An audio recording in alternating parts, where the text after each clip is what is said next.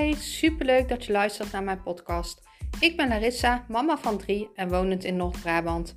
Nadat in 2020 voor stadium baarmoederhalskanker werd geconstateerd bij mij, is het roer van mijn leven omgegooid. Ik nam een coach en werkte enorm aan mijn mindset.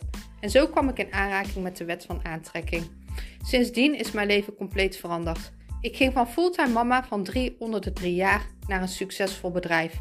Ik begon mijn eigen baby- en kinderkledingmerk en nu wil ik graag mijn kennis delen en zo duizenden mensen helpen. Ik deel graag mijn lessen in het ondernemerschap, maar ook mijn spirituele kant en alles over de wet van aantrekking. Deze podcast ga ik het hebben over hulp. Uh, ik ben weer heerlijk aan het wandelen. Ik had dat echt even nodig, want ik ben. ik was net echt even zo gefrustreerd. Ik. Uh, ik uh, moet eigenlijk bij het begin beginnen.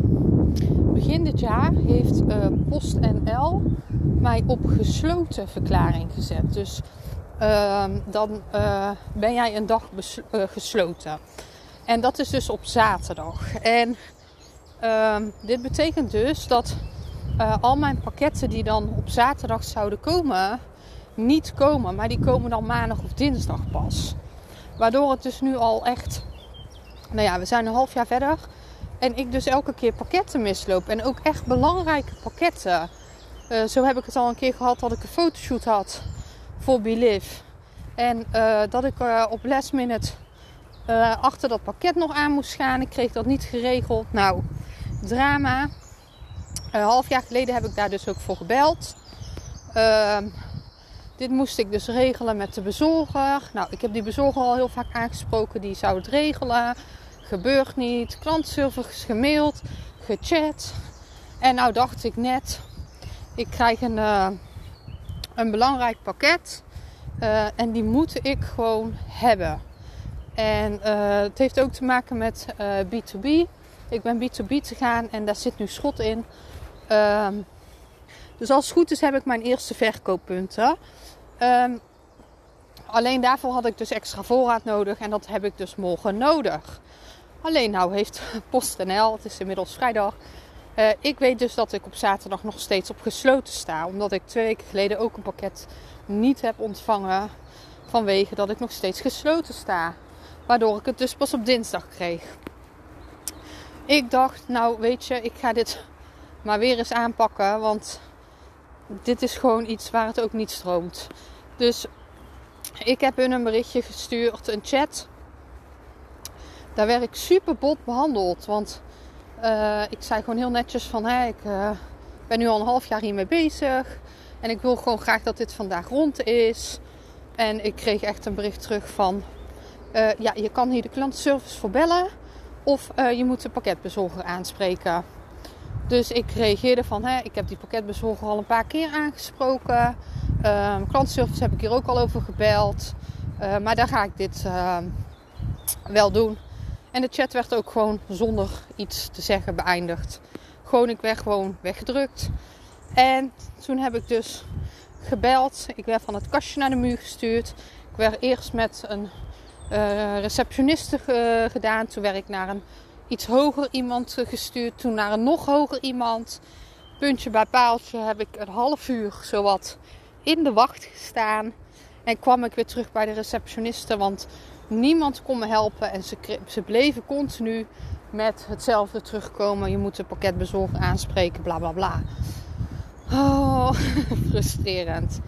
Dus toen had ik op een gegeven moment zoiets. Jongens, dan ben ik er ook klaar mee. Ik heb gewoon opgehangen. ik ben weer in de wacht gezet en ik dacht, hé, hey, stik erin. Ik hang gewoon op. Het is goed. Ik ben hier al een half uur mee bezig. Uh, ik heb meer te doen ik heb niet zoveel tijd zonder de kinderen. Dus uh, ik dacht, ik ga wat, uh, wat anders doen. Dus, uh, en toen werd ik toch teruggebeld door die receptioniste. Dus dat is dan wel weer heel aardig. En ze zei, nou, ik werk tot half één vandaag. Ik heb het depot in Breda gemaild. Of ze zo snel mogelijk contact met mij kunnen opnemen. Of ze je vandaag nog van de gesloten verklaring af kunnen helpen ja, super lief. Dus mijn hoop is gevestigd op die receptioniste waarvan ik het minst had verwacht dat ze moeite zou doen. Maar zij doet nu dus toch moeite, dus super fijn. Dus wow, dat was even het verhaal over mijn frustratie. En toen dacht ik, ik moet echt even gaan lopen. Want hè, als ik uh, dat, dus dat dus voel, die onrust en dat frustrerende, dan is dat iets waar ik mee om moet gaan. En dan moet ik gewoon lopen, even de natuur in. Dus ik dacht, dan ga ik uh, even lopen. Waar ik het vandaag over wil hebben, is over hulp vragen. En, of tenminste, hulp aannemen. Want uh, in mij zit heel erg de behoefte om mensen te helpen. Uh, dat, dat doe ik gewoon automatisch. Ik uh, heb zelf wel moeilijke momenten gehad in mijn leven. En ik ben een heel gevoelig persoon. En als ik voel dat iemand niet lekker in zijn vel zit of echt hulp nodig heeft, dan doe ik dat automatisch. Dat is iets wat in mij zit. Dat gebeurt gewoon. Ik kan dat ook niet tegenhouden. En uh, wat ik dan zie is uh, dat je sommige mensen gewoon niet kan helpen, hoe graag je dat ook wil. Want als diegene zijn muurtje ophoudt of uh, niet antwoordt, dan kan je diegene niet bereiken. En diegene moet dus openstaan voor hulp. En uh, wat kan je dan het beste doen? Hè? Dan, dan is dus het beste om uh, je even terug te trekken, gewoon afstand te nemen. Want die persoon is dus blijkbaar. Uh, die, die wil die hulp niet. En je kan alleen maar iemand helpen zodra diegene daarvoor open staat. En dat is dan uh, soms best wel moeilijk. Want je ziet dat zo iemand struggelt. Je ziet dat iemand hulp nodig heeft. Je weet ook heel goed dat je diegene ergens mee kan helpen. Alleen diegene die laat dat niet toe.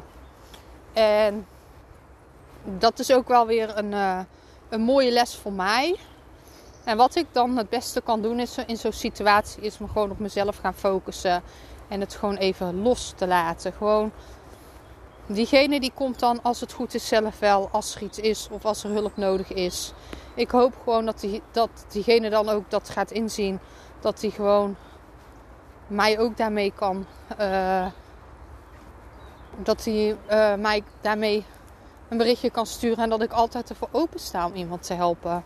En ik vraag me heel erg af hoe, hoe dat bij jou is. Heb jij uh, mensen in jouw omgeving waarvan je weet dat ze hulp nodig hebben, maar die er niet voor openstaan? En wat doe jij dan in zo'n situatie? Kan jij dat dan naast je neerleggen? Of zit dat dan ook echt in jou dat je diegene wilt helpen? En ehm, hoe moeilijk het ook is, dan krijg je op een gegeven moment zo'n besef van hé, hey, ik doe zoveel uh, tussen haakjes moeite voor je. Ik wil je echt oprecht uit mijn hart helpen. Maar dan weet je op een gegeven moment gewoon niet meer hoe. Want diegene heeft een muur om zich heen en die kan jij niet bereiken. Die, diegene moet dat zelf willen voordat je diegene kan bereiken. Ik ben super benieuwd hoe jij uh, hierover denkt. En uh, ik hoor graag van je of je wel eens zo'n situatie hebt meegemaakt. Of dat je er toevallig nu in zit. Ik hoor graag van je.